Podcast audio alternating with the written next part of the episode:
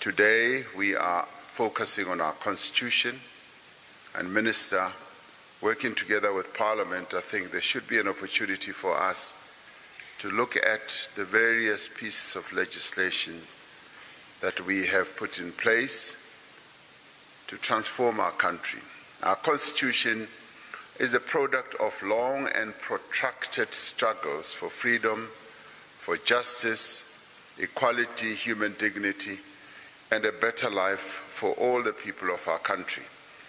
It is indeed the product of the struggle against colonialism and apartheid, against oppression, subjugation, and also dispossession.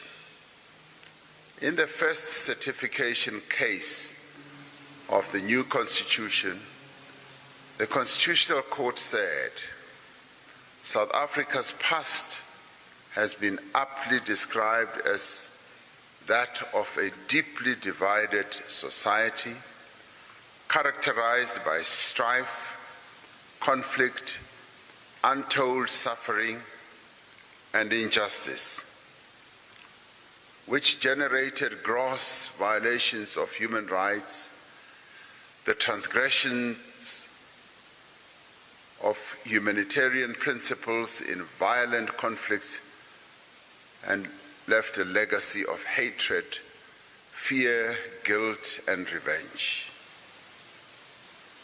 Our Constitution is therefore more than the supreme law of our land.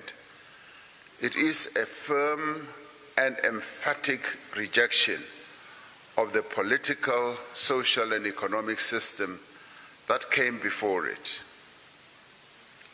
Our Constitution, which has now been in operation for over 25 years constitutes what I would call a social compact on how we should, as South Africans, relate to each other as a people, how we should relate to other nations as a sovereign state, and how we should govern ourselves, but also how we should deal with our resources.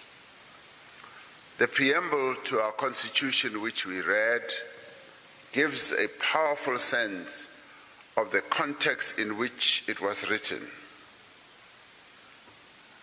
the past which it sought to correct, and the future which it aspired.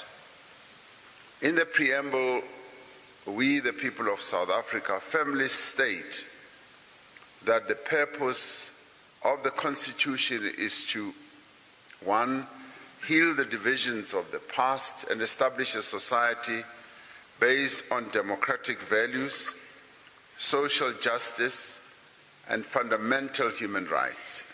And two, to lay the foundations for a democratic and open society in which government that we elect is based on the will of the people and every citizen is equally protected by law.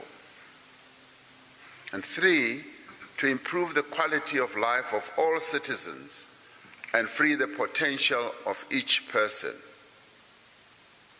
And lastly, to build a united and democratic South Africa, able to take its rightful place as a sovereign state in the family of nations.